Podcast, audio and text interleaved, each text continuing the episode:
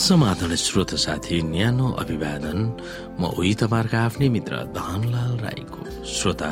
आज म तपाईँको बीचमा बाइबल सन्देश लिएर आएको छु। आजको बाइबल सन्देशको शीर्षक रहेको छ जुत्ताहरू शान्तिको निम्ति जहिले पनि तत्पर रहने चर्च।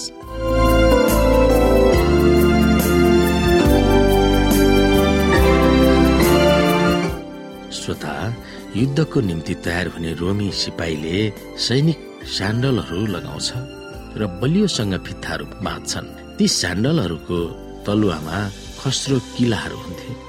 त्यसले गर्दा सिपाही उभिन्दा जमिनलाई राम्रोसँग पक्रिराख्न सक्थ्यो। रोमी सिपाहीले लगाउने यस खालको जुत्ताको बारेमा पावलले यसैया बाहुन्न अध्यायको सातबाट उतार्दछन्।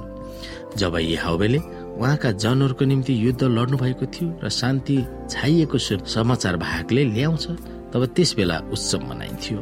सुसमाचार प्रचार गर्नेहरूका पाउ डाँडाहरू हुँदो कति सुन्दर छन् जसले शान्तिको घोषणा गर्दछन् जसले शुभ समाचारहरू ल्याउँदछन् जसले उद्धारको घोषणा गर्दछन् जसले सिवनलाई भन्दछन् तिम्रो परमेश्वरले राज्य गर्नुहुन्छ।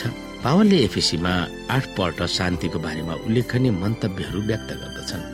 यदि उनी शान्तिको निम्ति तत्पर छन् भने उनले किन सैनिक क्रियाकलापलाई चित्रण गरेर शान्तिको बारेमा सुनाउँछन्? हामी हेर्न सक्छौ हाम्रा परमेश्वर पिता र हाम्रा प्रभु ख्रिसबाट अनुग्रह र शान्ति। किनकि उहाँ नै हाम्रो शान्ति हुनुहुन्छ। उहाँले हामी दुवैलाई एउटै बनाउनु भएको छ र विभाजन ल्याउने शत्रुताको पर्खाल भत्काइदिनु भएको छ। र उहाँले व्यवस्थालाई त्यसका आज्ञाहरू र धार्मिक विधानहरू समेत आफ्नै शरीरमा खारेज गर्नुभएको छ कि यी दुईका सट्टामा उहाँले आफैमा एउटा नयाँ मानव सृष्टि गरून् र यसरी शान्ति स्थापना होस्। अनि उहाँले क्रुसद्वारा हामी दुवैलाई एउटै शरीरमा परमेश्वरसँग मेल गराएर शत्रुतालाई शेष पार्नुभयो।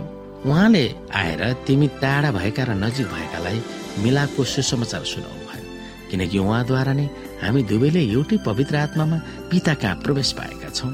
शान्तिको बन्धनमा पवित्र आत्माको एकता कायम राख्न प्रयत्न गर। खुट्टामा मिलापको सुसमाचारका जुत्ता लगाएर तयार हो। परमेश्वर पिता र प्रवेश ख्रिसबाट दाजुभाइहरूलाई शान्ति र विश्वास सहितको प्रेम। श्रोता शान्ति ख्रिसको काम हो भनेर पावलले खुसी व्यक्त गर्दछन्। ख्रिस हाम्रो शान्ति जसले शान्तिको प्रचारक हुनुहुन्छ। किनकि उहाँ नै हाम्रो शान्ति हुनुहुन्छ। उहाँले हामी दुवैलाई एउटै बनाउनु भएको छ र विभाजन ल्याउने शत्रुताको पर्खाल भत्काइदिनु भएको छ।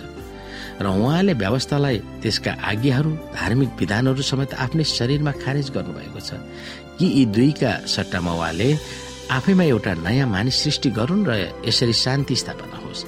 अनि उहाँले क्रुसद्वारा हामी दुवैलाई एउटै शरीरमा परमेश्वरसँग मेल गराएर शत्रुतालाई शेष पार्नुभयो। उहाँले आएर तिमी टाढा भएका र नजिक भएकालाई मिलापको सुसमाचार सुनाउनु भयो संसारका सबै जाति अर्थात् यहुदी र अयहुदीहरूलाई उहाँले एउटै मानवताको सूत्रमा बाँध्नुभयो। यसो भावना भावित हुन्छ जब भक्तहरूले ख्रिसको उद्धार र सृजनात्मक शान्तिलाई फैल्याउँदा तिनीहरूले सुसमाचारको कथालाई जीवित राख्दछन्।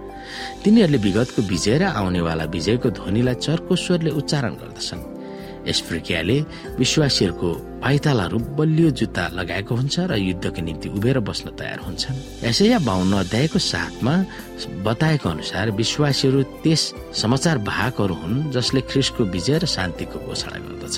यो कुरा स्पष्ट हुनुपर्छ कि हामीले वास्तविक सैनिकको हात हतियार भिरेर हाम्रा शत्रुहरूसँग युद्ध गरोस् भन्ने पावलको कहिले पनि चाहना थिएन। त्यसकारण विश्वासीहरू शान्तिको सुसमाचार घोषणा गर्नेहरू हुन् भनेर उनले वर्णन गर्दछन्। विश्वासीहरू कसैसँग पनि मुठभेट गरेर सम्बन्ध नबिग्रियोस् भन्ने उनी चाहँदैनन्। उनले नै एकताको निम्ति जोड गर्दछन्। बोलीचालीमा सतर्क मनाउन चाहन्छन् र एक आपसमा कोमल हृदयले व्यवहार गरून् भनेर उनले आह्वान पनि गर्दछन्। चर्च युद्ध स्तरमा शान्तिको निम्ति अग्रसर हुन्छ र चर्चको हतियार भनेकै इसाई गुणहरू हुन्। नम्रता धैर्यता सहनशीलता सदासहायता क्षमाशीलता आदि। र प्रार्थना र आराधनामा सक्रिय हुन्छन्। यसमा कुनै थोक एकीकृत गर्ने परमेश्वरको महान योजनालाई सार्थक बनाउन विश्वासीहरूले ती गुणहरूलाई रणनीतिको रूपमा प्रयोग गर्दछन्। हाम्रो जीवनमा पावलले भिराउन चाहेका सैनिक हतियारहरूलाई दिदी एलएनजी व्हाइटको कथनले हामीलाई कस्तो स्पष्ट पार्न खोज्दछन्। हामी हात हतियारको सुसज्जित हुन परमेश्वरले आह्वान गर्दछ। तर राजा सावलको हतियार हामीलाई चाहिँदैन। तर परमेश्वरको सम्पूर्ण हतियारको आवश्यकता हामीलाई छ। अनि हाम्रो हृदयमा ख्रिसको भावनाले अभिप्रेरित भएर काममा अग्रसर हुन सक्छौ। उहाँ जस्तै मायालु कोमल कृपालु र प्रेमिलो भएर मानिसहरूको माझमा हामी भिज्न सक्ने हुन्छौँ।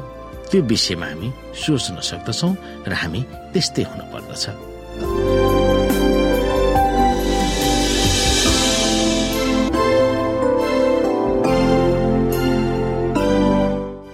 श्रोता साथी आजको लागि बाइबल सन्देश यति नै। हस्त नमस्ते जय मसिंह।